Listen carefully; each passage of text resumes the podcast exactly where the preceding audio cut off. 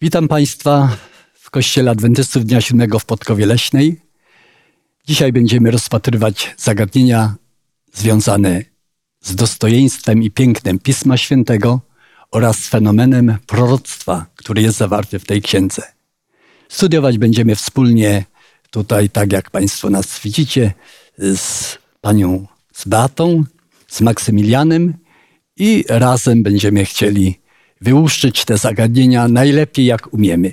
Jeżeli się w czymś potkniemy, prosimy o wybaczenie, ale będziemy starali się trzymać Pisma Świętego i historii, która potwierdza wiarygodność Pisma Świętego.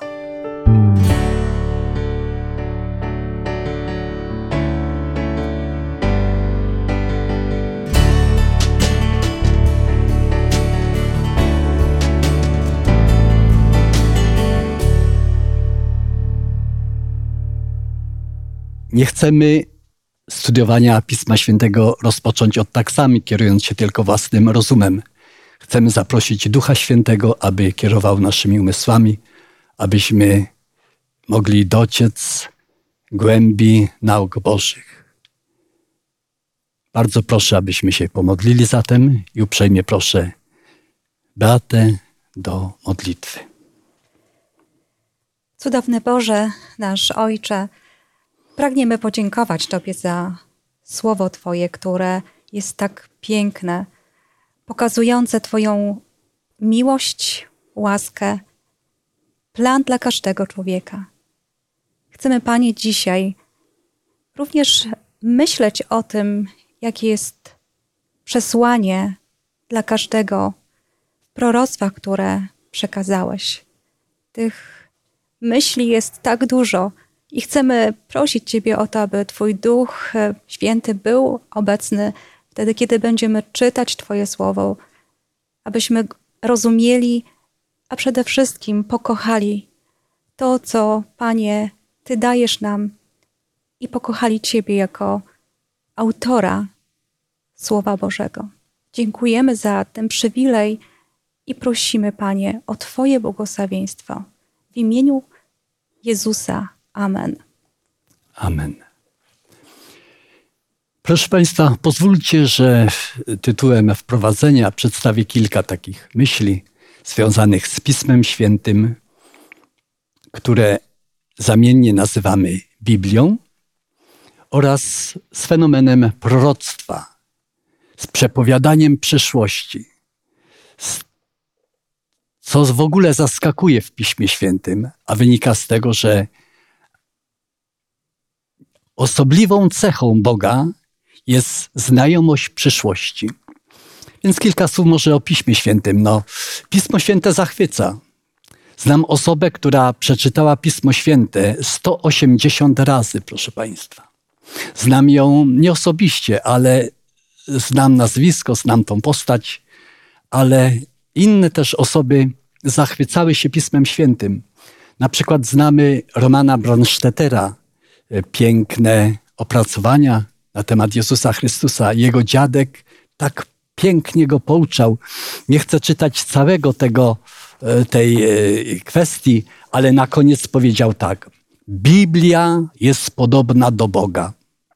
Nie pozwala, by ją poznawano i zgłębiano do samego dna. Stąd można czytać ją wiele razy i wyciągać z niej wnioski, które są użyteczne w codziennym życiu. Będziemy też studiowali proroctwa. Proroctwa są w ogóle czymś nadzwyczajnym. Szczególnie Księga Daniela i Apokalipsy. Isaac Newton, który był Żydem, powiedział w ten sposób. Odrzucić Księgę Daniela to znaczy odrzucić religię chrześcijańską.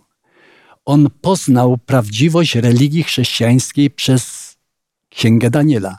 Zatem zapowiada się ciekawe studium. Jeszcze raz moich y, uczestników dyskusji zapraszam do swobodnego tutaj traktowania tego zagadnienia, abyśmy mogli w atmosferze takiego spokoju wyłuszczyć zagadnienia. Więc może jedno z pierwszych, y, jeden z pierwszych problemów. Jedni mówią, że Pismo Święte to są legendy, to są baśnie. A jakie my stanowisko reprezentujemy jako Kościół Adwentystów Dnia Siódmego? Nie ma wątpliwości, że Jezus e, jest w centrum Pisma Świętego. Każdy, kto czyta, kto bada, kto prosi też o mądrość rozumienia, chyba doświadcza tego, że Jezus jest w centrum. A zatem też biblijne proroctwa, jeżeli mielibyśmy tutaj ten element podkreślić, e, które są Bożym autorstwem, są niezwykle istotnym przekazem mm, Bożej woli, Bożego planu y, zbawienia. Y, dla ludzi są istotne dla potwierdzenia tożsamości, potwierdzenia też, y, jaka jest misja dla każdego. Mhm. Są również potwierdzeniem autentyczności Boga, Bożego przekazu, Bożej woli. To są bardzo istotne elementy studiowania Słowa Bożego, a w nich proroctw, które są zapisane. Dziękuję bardzo. Ale czy tylko religia chrześcijańska i judaistyczna ma proroctwa? Zastanawialiście się nad tym? Oczywiście, że nie. Dlatego, że w, w każdej religii e, są tworzone pewne przepowiednie. Łącznie z tym, że nawet u Indian szamanowie mieli też e, swoje przepowiednie co do przyszłości, co do również tego, kto zwycięży, czy nasze plemię, czy nasi przeciwnicy. Choć te przepowiednie nie zostały spisane, to jednak pozostały w pewnej tradycji ustnej. A to cóż takiego nadzwyczajnego jest w Piśmie Świętym, że są tam akurat proroctwa, które tak wyróżniamy jako Mm, e, jako oznakę prawdziwości i nadzwyczajności Pisma Świętego? Myślę, że e, człowiek jest zawsze zainteresowany szukaniem odpowiedzi na to, co będzie w przyszłości.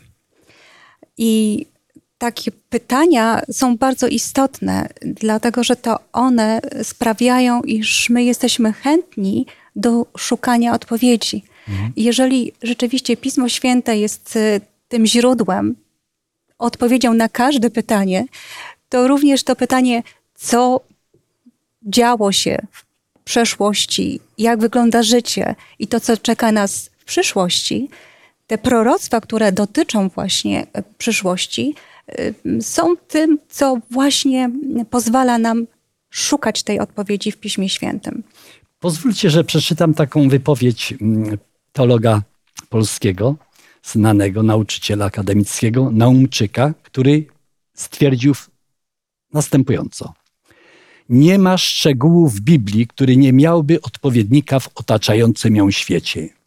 Jedynie proroctwo, prorocy biblijni są czymś wyjątkowym, czego nie ma w świecie okolicznym. To jest prawda obiektywna. Ona sprawia, że wiara tych, co wierzą, nie jest wiarą ślepą, ale rozumną, uznającą objawienie Boże każdym wypadku musimy na nich, to znaczy biblijnych proroków, patrzeć innymi oczyma, aniżeli na derwiszów wschodnich, mantyków greckich lub wróżbiarzy rzymskich.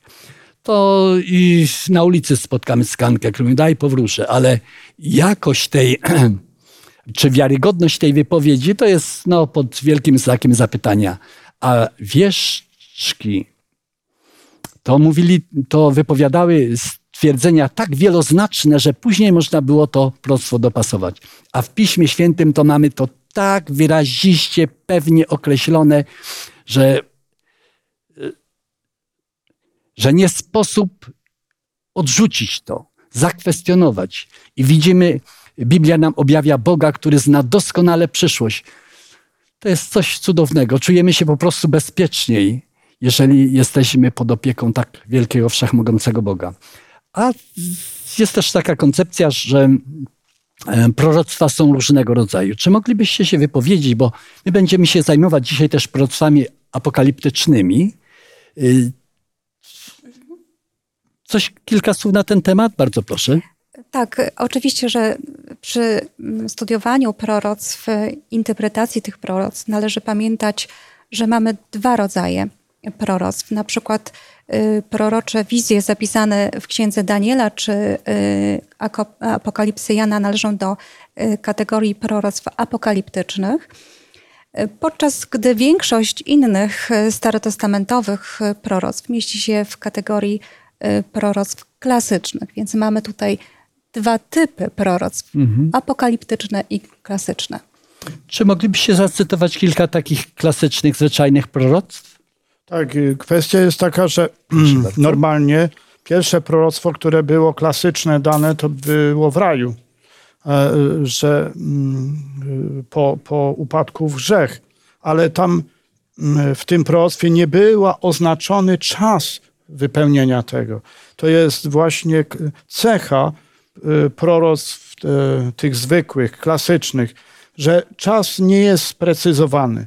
I wiele było proroc w Starym Testamencie, czy do Izraela, czy do wrogów Izraela, jak o Edomie, Egipcie. Były również proroctwa wprost o pojedynczych osobach, jak o królu Cyrusie, który miał się, e, mm, który miał odegrać pewną rolę w wyzwoleniu y, Izraelitów z niewoli. Y, I często te proroctwa miały wypełnienie w krótkim terminie, e, biorąc pod uwagę historię świata, ale, ale często proroctwa takie, które dawał Jezus, były, miały charakter wypełnienia podwójnego. I takie przykładowe proroctwo o tej no, ohydzie spustoszenia, którą dał Jezus, ono zostało e, skomponowane na podstawie treści e, Księgi Objawienia, przepraszam, Daniela. Daniela, ale co ciekawe, e, dał przykład, że to się wypełni dwukrotnie. Raz to się wypełni w momencie zburzenia Jerozolimy przez Rzymian, a potem wypełni się e, w, w czasach średniowiecznych. Mhm. I, i, I to jest wciąż e, proroctwo e, klasyczne. Natomiast proroctwa już apokaliptyczne, od e, słowa apokalipsa objawić, odkryć, e, ujawnić, e, są szczególnymi proroctwami. Dlatego, że w porównaniu do tamtych e, m- mają swoje wypełnienie e, długoterminowe e, i wypełnią się raz. To znaczy, jeżeli jakieś przepowiedziane zdarzenie jest przepowiedziane, to się już nie powtórzy. Musi się stać coś innego. Drugi, druga sprawa, że w, pro, w tych proroctwach jest, używa się bardzo dużo symboli, które y, często trudno jest skojarzyć, chyba że ma się jakieś inne biblijne wyjaśnienie.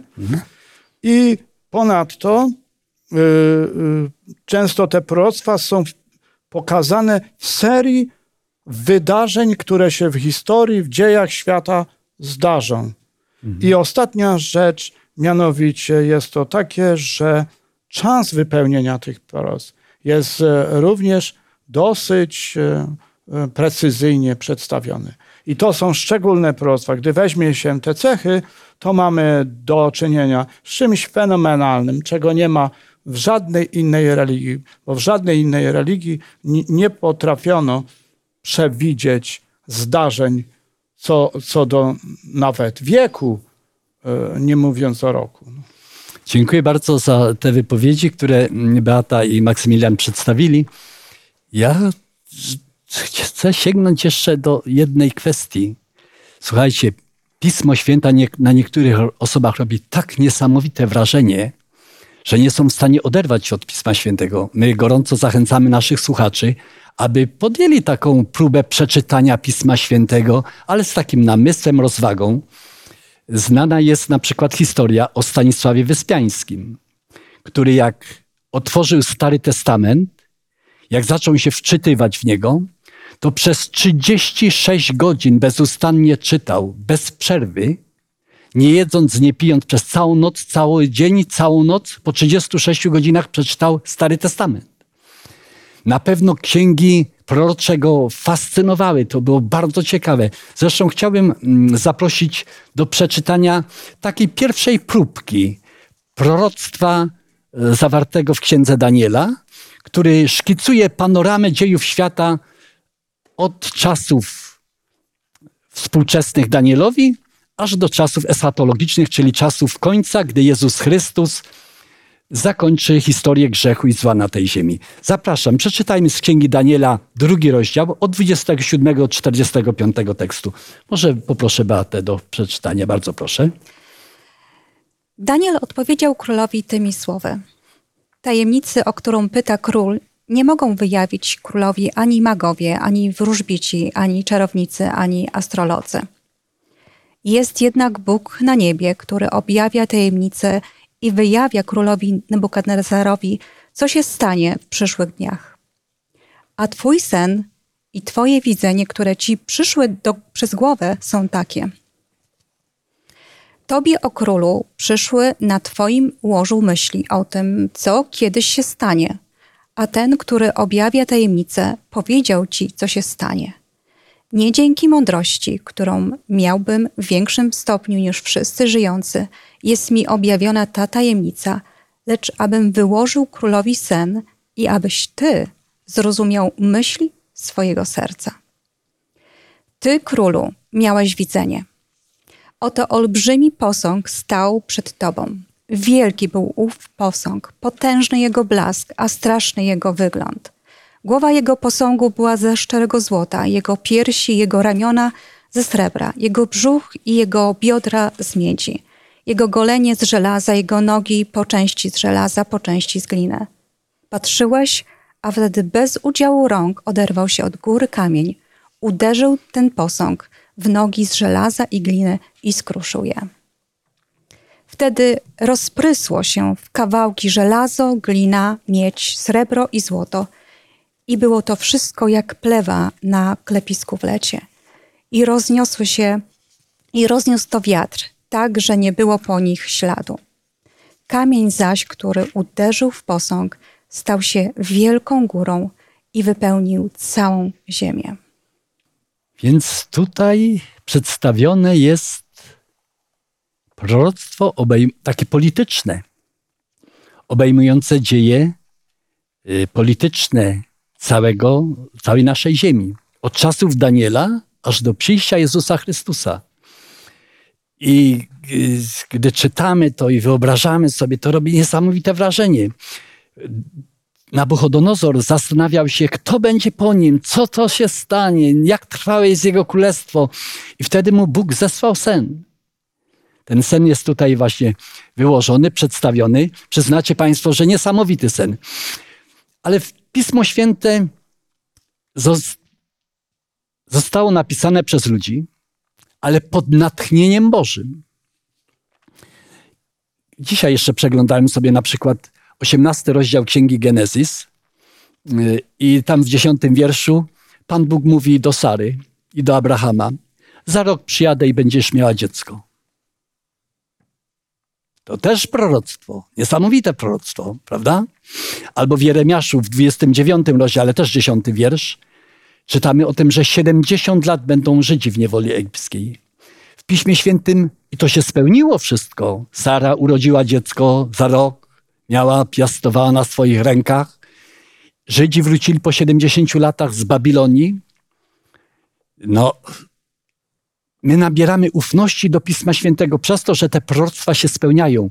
Stąd nazwana jest ta metoda historycystyczna, dlatego że oparta jest i odniesiona jest do historii. Konfrontujemy proroctwo z historią i sprawdzamy. Sprawdza się? Dzieje się tak? Oczywiście, że się dzieje. To jest naprawdę piękne. A w ogóle po co proroctwa są dawane? Jaki jest zamysł Boży? Jest nawet powiedziane w ten sposób, że nic nie czyni panujący Pan chyba tajemnicę swoją objawi sługą swoim prorokom. A po co? Co czytamy w Janie 14 rozdziale w 29 wierszu? No właśnie czytamy to, że yy, jak mówi wiersz 29, teraz wam mówię, zanim to nastąpi, abyście uwierzyli, kiedy się to stanie.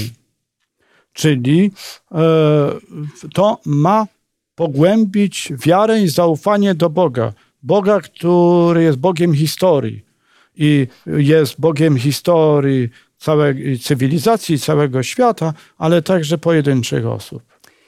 To jest bardzo ciekawe, bo ja nie przeczytałam do końca ten drugi rozdział. Nie przeczytaliśmy jeszcze siódmego, ósmego, jedenastego rozdziału Księgi Daniela, ale Pan Bóg wyjaśnia Mhm. Proroctwo. Mhm. I my możemy dalej czytając, że Daniel uznaje Babilonię jako pierwsze z królestw, tak? mówiąc, ty jesteś tą głową ze złota w tym posągu. Ten posąg ma swoją konstrukcję i Daniel mówi dalej, ale po tobie przyjdzie następne królestwo, potem będzie następne i tak dalej. I czytając ten drugi rozdział, czy pozostałe rozdziały z tej księgi Daniela, możemy, patrząc również na tą linię proroczą, na historię, jak te wszystkie królestwa, ten czas wypełniał się zgodnie z tym, co zostało objawione Danielowi, mhm. objawione Danielowi i królowi y, Nabukadnezarowi w śnie. Mm, my wiemy, że historia nie zaczęła się w VI czy w VII wieku przed naszą erą. Wiemy, że y, Babilon to był piękny już za Hammurabiego, ale był jego zmierzch i neobabilońskie państwo Nabukadnezara. To jest właśnie czas życia Daniela. I on od tego momentu szkicuje te potęgi. Wcześniej były oczywiście i była Babilonia, i była Asyria, ale Bóg przepowiada i to zaczyna się wypełniać. Jak sądzicie? I dlaczego? W oparciu o to, kto lepiej może sobie wiarę zbudować? Nasze pokolenie czy pokolenie Daniela? No, oczywiście, że nasze. Dlaczego? Bo mamy więcej dowodów na spełnienie się tego, co było przepowiedziane. Tym bardziej, że y, y, dokumentem jest Pismo Święte, którego wartość nikt nie, po, autentyczność nikt nie podważył. Bo mhm. jest tyle odpisów, że nie ma innych książek ze starożytności, dzieł ze starożytności, które by miały tyle odpisów potwierdzających wiarygodność tak. tej księgi. Czy ludy istniejące, czy miasta istniejące, czy państwa istniejące, nieraz one gdzieś się zagubiły w historii powszechnej. A Pismo Święte twierdziło tak, były takie narody, były takie państwa. I słynni archeolodzy mówili, że Pismo Święte jest jak mapa, jak przewodnik po starożytności. Chcielibyśmy się przez moment zatrzymać na księdze Daniela. Nie przez moment, ale przez prawie resztę naszego tutaj studium. Jest to szczególna księga, wyjątkowa, dlatego że ma ujęcia takie panoramiczne, perspektywie przez no, tysiące lat, ale też omawia bardzo szczegółowo y, niektóre momenty, właśnie jak kolejne przesilenia, kolejne potęgi przychodzą. Więc y, o dziwo, w księdze Daniela też mamy y, pewną symbolikę państw, ale też są pewne symboliczne okresy. Jest okres 2300 wieczorów poranków, 70 tygodni. Y, jak to należy interpretować i dlaczego tak właśnie interpretujemy? Otóż e, e, Izraelita z tamtych czasów, kiedy dotarło do niego e, odpis tej księgi, no, zastanawiał się, bo to napisane było tak dziwnym językiem ale pierwsze, co mm, brał pod uwagę, mm, to jest to, co jest zapisane w innych księgach, zwłaszcza w pięcioksięgu Mojżesza, w Torze, y, co mogłoby być jakimś kluczem do rozwiązania zagadki. I dlatego też y, przeczytał w Księdze Liczb, y, że była tam zasada jednego dnia za rok, czyli e, ile dni e, ci szpiedzy przemierzali ziemię obiecaną, przez tyle lat będą mhm. przemierzać prawda, pustkowia Palestyny, aż dojdą do ziemi obiecanej. Potem Ezechiel, czwarty rozdział, wiersz szósty, a to był prorok również w tym samym czasie co Daniel, powiedział tak. Dopełnisz ich i położysz się powtórnie na prawym boku, takie było polecenie Pana Boga, będziesz dźwigał winę domu Judy przez 40 dni. Wyznaczam ci jeden dzień za każdy rok. A zatem e, te 40 miało oznaczać 40 lat. 40 dni, 40, 40 lat, lat, prawda? Tak. I, i, I to było pomocne. Żadne inne e, hipotezy nie miały sensu, jeżeli nie miały potwierdzenia w poprzednim piśmiennictwie e, biblijnym. Tak. Wspominaliśmy już, że nie zawsze należy w ten sposób liczyć, ale gdy księga jest nasycona symbolami, symbolicznymi określeniami, to możemy domniemać, że y, te symboliczne okresy mają jakiś klucz, jakiś wytrych do tego, żeby to sprawdzić. Bo jak mówiliśmy o tym, że Sara urodzi za rok, to nie znaczy, że za 365 lat miała urodzić, prawda? A jak 70 lat Żydzi byli w niewoli babilońskiej, to 70 lat, bo to imperium nie trwało nie wiadomo jak długo. Ale tutaj spotykamy się z pewnymi symbolicznymi okresami. I doszliśmy do tego, że mm, w księdze Daniela i też w księdze Daniela, niektóre w księdze objawienia, niektóre długie okresy, tak jak 2300, 42, 2300 wieczorów poranków, 42 miesiące, 1260 dni, to wszystko liczy się według zasady dzień za rok. Beata, chciałaś tak, coś dodać? Ja Proszę chciałam bardzo. właśnie dodać, y, w sumie jakby powtórzyć pewne rzeczy, ale y, ta skala czasu wydaje się y, poprawna. Ten sposób liczenia wydaje się poprawny z pewnych oczywistych powodów, tak jak już zostało to wspomniane, ponieważ wizje są symboliczne. Czas podany w nich także należy rozumieć jako symboliczny wizje opisywane rozgrywają się w takich długich okresach historycznych, w niektórych przypadkach faktycznie aż do czasu ostatecznego i my czytając te proroctwa wiemy o tym, więc mhm. przyjmując tą zasadę dzień za rok, to jakby sprawdza się w odniesieniu His do historii. Do historii, prawda? tak? Mm, I e, okresy są związane właśnie z tymi e, proroctwami i należy właśnie w ten sposób to e, odpowiednio interpretować. Zasada też dzień za rok jest potwierdzona w jak czytamy w księdze Daniela, wyraźny dowód jest zawarty w proroctwie 70, o 70 tygodniach, tak? E, które mm, trwa od czasów króla perskiego aż do przyjścia Mesjasza. Mhm. Więc kiedy analizujemy to proroctwo, widzimy, że te 70 tygodni równa się konkretnej liczbie lat. Tak, czyli mamy po prostu takich sprawdzian. Może zatrzymajmy się, czy to jest jakaś specyficzny, to jest specyficzny sposób liczenia naszego Kościoła? Nie.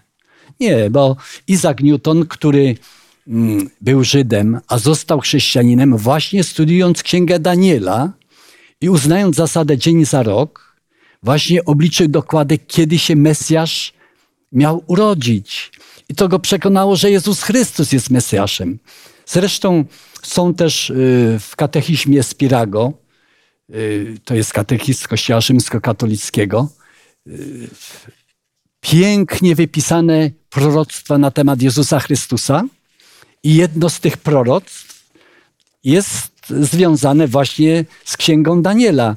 I czytam y, na przykład na 231 stronie tego katechizmu właśnie, że gdy, gdy zasadę stosujemy dzień za rok w tych przeliczeniach, to dopiero rozwikłamy niebywałą zagadkę rok, rok rozpoczęcia misji Pana Jezusa Chrystusa jako Mesjasza.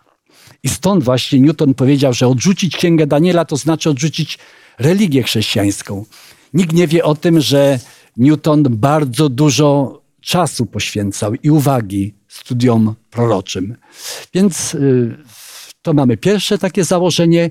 Chcielibyśmy teraz przejść do następnych zagadnień, które mm, szkicują nam proroctwa z siódmego i proroctwa z ósmego rozdziału Księgi Daniela. Są to bardzo interesujące proroctwa.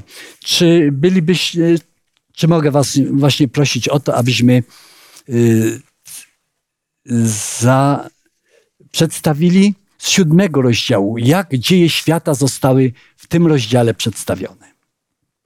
Czy mogę zatem prosić, żebyśmy przeczytali pierwsze yy, wiersze, te trzy potęgi wielkie, które, się, które wyłoniły się w dziejach, a były zapowiedziane w proroctwie Daniela. Czytam z, z przekładu ekumenicznego, siódmy rozdział Księgi Daniela, wiersze 1 do 8. W pierwszym roku panowania Belszasara, króla babilońskiego, Daniel miał senne widzenie, gdy leżał na swoim łożu. Następnie spisał sen i jego główne przesłanie. Daniel powiedział: Miałem widzenie w nocy, oto cztery wiatry niebios zburzyły wielkie morze. Wtedy cztery ogromne bestie, różniące się jedna od drugiej, wyszły z morza. Pierwsza podobna była do lwa, miała skrzydła orła.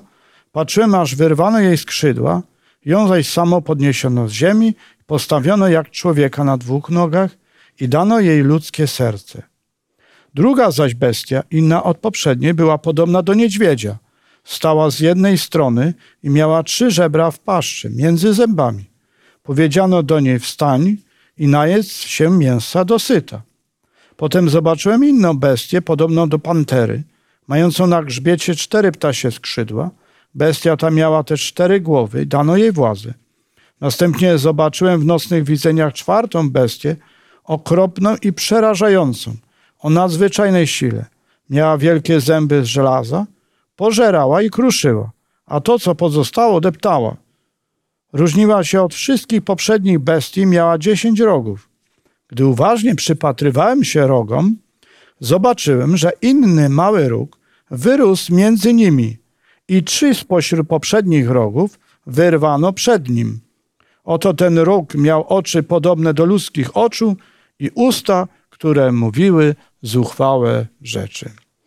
Dziękuję bardzo. Czy podjęlibyśmy się identyfikacji tych potęg, które tutaj zostały przedstawione? Pierwsza jest jaka? Zgodnie z wyjaśnieniem, które dane było Danielowi, mhm. pierwszą potęgą była ta potęga, której on sam był podwładnym, czyli Babilonia. A potem były kolejne, to jest Medopersja, y, Grecja i w końcu ta potężna bestia, jakim był Rzym, Rzym pogański.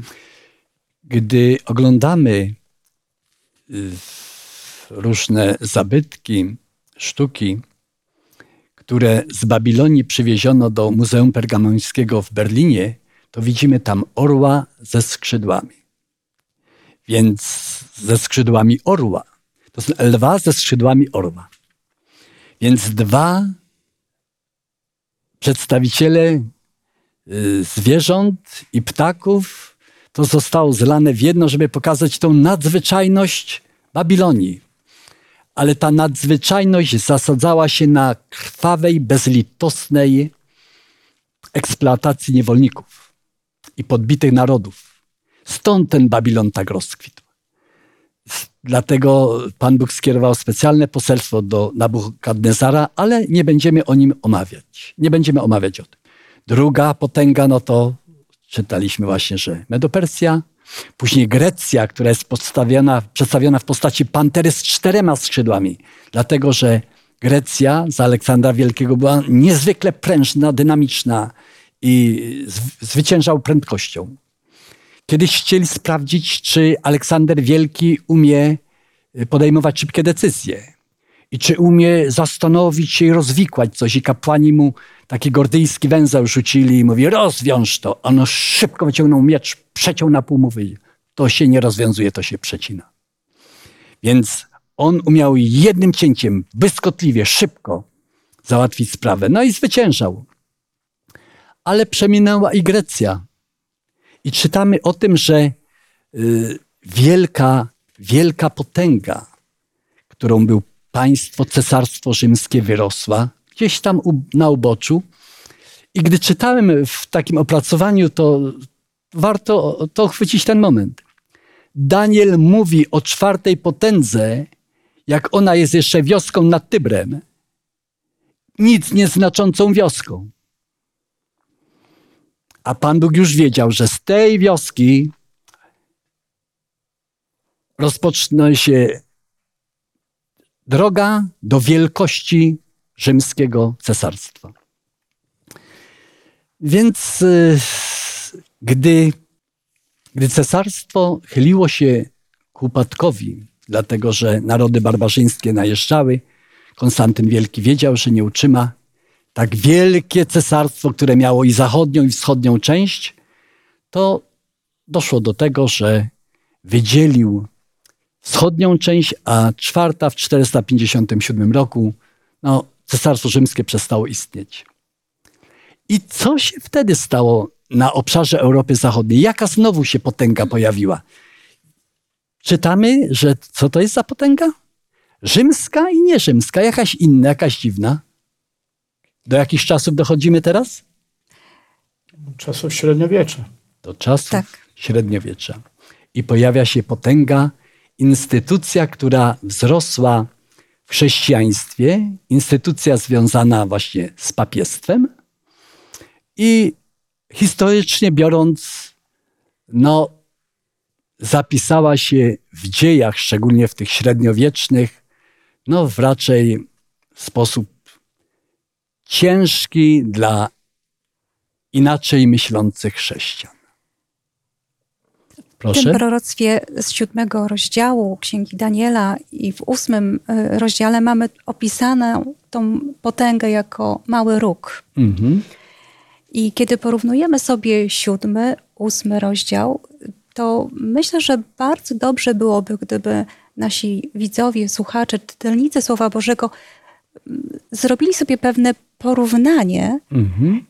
identyfikacji charakterystyki tego małego roku. Bo to jest bardzo ciekawe. I jakby doszli do tego, czym była ta potęga, tak? I, I faktycznie ja może zrobię taką krótką y, analizę y, Porównawczą. tak. porównawczą. Tak, porównawczą tego siódmego i ósmego y, y, rozdziału. I faktycznie te mm, oba małe rogi przedstawione są w tych wizjach jako rogi, tak? Czyli ta symbolika jest podobna.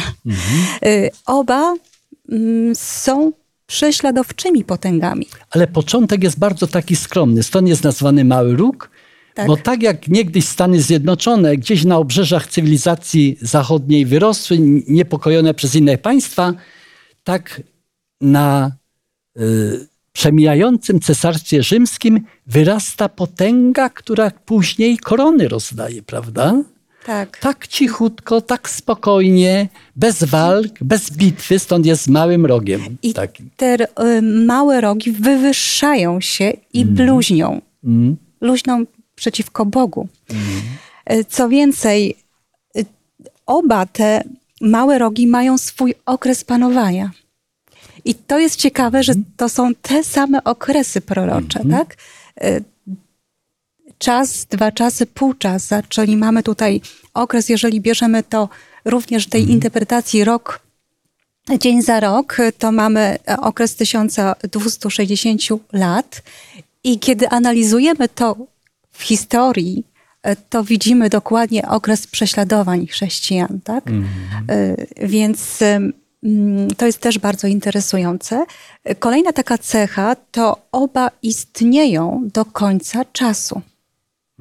Czyli ta potęga istnieje do końca czasu historii. E, I oczywiście ostatecznie mm, te dwa rogi zostają unicestwione. Znaczy, ten róg w tych rozdziałach zostaje uni- unicestwiony.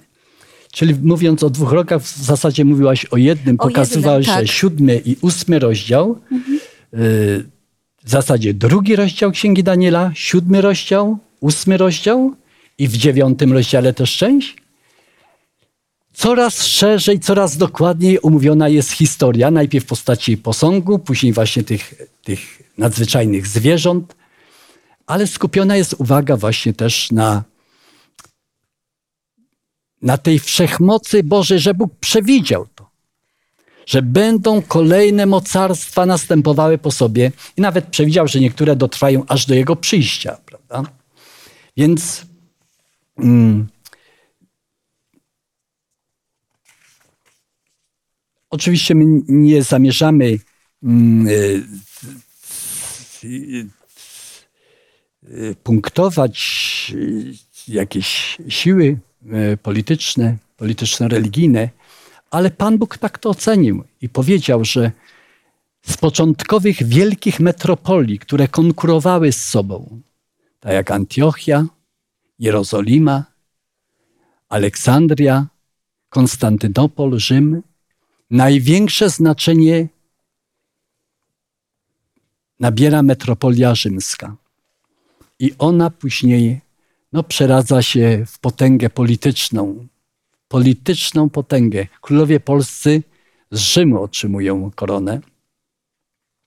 I Pan Bóg ocenia to negatywnie, dlatego że kiedyś y, szatan próbował Panu Jezusowi zaproponować warunki panowania na tej ziemi na, y, według swojej myśli. I Pan Jezus odrzucił to. Powiedział: Upadnij, Adam ci wszystko. Stoimy y, na stanowisku, że powinniśmy wiernie, spokojnie, według Pisma Świętego służyć Bogu, a i oddzielić właśnie kwestie polityczne od kwestii religijnych. To jest najlepsze rozwiązanie. Więc y, chociaż niektórzy uważają, że to jest inna potęga, ale my wiemy, że w zasadzie przedstawione są tutaj kolejne potęgi: Babilonia, Medopersja, Grecja, Cesarstwo Rzymskie, które się kończy w 457 roku, i każdy historyk wie, że następną potęgą to była potęga polityczno-religijna. Chciałbym jeszcze e, odnieść się do takiej kwestii, że w Piśmie Świętym spotykamy się też z szczególnym rodzajem proroctw.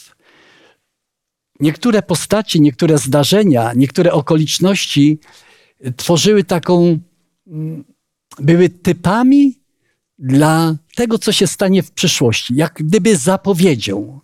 Czy znacie takie y, zdarzenia, które Pan Jezus odnosił do siebie? Bo Pan Jezus często mówił: Ja jestem bramą, ja jestem dobrym pasterzem, żeby przybliżyć swoje dzieło i swoją rolę w chrześcijaństwie. Ale w Mateuszu w 12 rozdziale, w 40 wierszu, jaką myśl mamy zawartą? Albowiem jak Jonasz był w brzuchu wieloryba trzy dni i trzy noce, taki Syn Człowieczy będzie w łonie ziemi trzy dni i trzy noce. To, co się zdarzyło w życiu Jonasza, było przedstawione jako zapowiedź epizodu śmierci, pobytu w grobie i zmartwychwstania Pana Jezusa Chrystusa. Ale też yy, na przykład był taki rytuał, gdy składano baranki paschalne, ale w ogóle w świątyni, że nie wolno było co z nimi zrobić. Nie, nie wolno było łamać kości. Tych ofiar, prawda? Tak. Tych, tych, To było zapowiedzią czego? no właśnie y, Ewangelia Jana, pierwszy rozdział, wiersz 29, chętnie przeczytam. Nazdajusz zobaczył przychodzącego do niego Jezusa, Jan Chrzciciel. Wtedy powiedział, oto baranek Boży, który gładzi grzech świata. Normalnie na ofiarę były składane baranki i były przepisy, które zostały mm, zawarte w pięcioksięgu mojżeszowym, że y, w jaki sposób należy się z taką ofiarą obchodzić. I, I dlatego też e, Jezus e, stał się tym barankiem, tą ofiarą krzyżową. Ale taki moment. Krzyżowane osoby zazwyczaj jak umierały? E, Umierały najczęściej przez to, że łamano im podudzia. Łamano im golenia i oni zawisali tylko na rękach i z braku tlenu udusili się i umierali. Ale gdy, zobaczy, gdy, y, popa- gdy żołnierze zobaczyli Pana Jezusa, mówi, on już umarł. I tylko mu Bog rozpruli. Pan Jezus też został nazwany drugim Adamem, prawda? A w Ewangelii Jana w trzecim rozdziale, czternastym wierszu, jaki tam symbol został? Czternasty, piętnasty? Jak Mojżesz wywyższył węża na pustyni, tak musi być wywyższony Syn Człowieczy, aby każdy, kto weń wierzy, nie zginął, ale miał żywot wieczny. Albowiem tak Bóg umiłował świat, że Syna swego jednorodzonego dał, aby każdy, kto weń wierzy, nie zginął, ale miał żywot wieczny. Proszę Państwa, zbliżamy się do końca tej lekcji. Dziękuję Beacie za przeczytania, przeczytanie tego urywku Pisma Świętego. Chcieliśmy dzisiaj przekazać Wam wartość Pisma Świętego z tej perspektywy proroczej. Jest to nadzwyczajna księga, która mówi o Jezusie Chrystusie, ale też ma bardzo mocne atuty, mocne argumenty Boga, który zna przyszłość i określił nawet czas, czas rozpoczęcia misji Jezusa Chrystusa, czas Jego śmierci. Bóg, który losy narodów ma w swoich rękach, nic mu nie wymknie, nic nie umknie. Ten Bóg jest godzien zaufania i serdecznie zapraszamy Państwa do studiowania Pisma Świętego w kontekście też tych aspektów proroczych, abyście zbudowali swoją wiarę i zaufanie do Pisma Świętego, który jest takim swoistym listem Boga do ludzkości.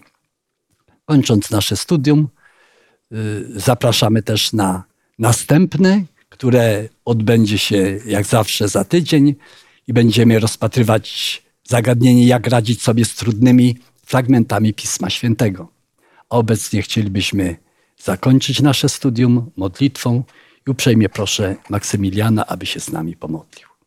Niebieski Ojcze, dziękujemy Tobie, że w nasze ręce powierzono zostało Pismo Święte. Twój list do nas. Ten list wędrował przez wieki i dotarł również i do nas. Za co jesteśmy Tobie bardzo wdzięczni. I za te treści prorocze, które pokazują, jak Ty realizowałeś swój plan zbawienia poprzez wieki. Dziękujemy Ci również za odsłonięcie nam dziejów, historii potęg świata i innych spraw, które mają wielkie znaczenie dla ludu Bożego i dla jego przyszłego losu. Dziękujemy Ci. Dziękujemy Ci również za znaki, które pojawiają się na tej ziemi, jakim na przykład jest zaraza, które ostrzegają nas przed tym, abyśmy nie lekceważyli tego faktu, że nasze życie jest w rękach Bożych i że mamy być e, gotowi na to, aby zdać się relację ze swojego życia na Bożym sądzie.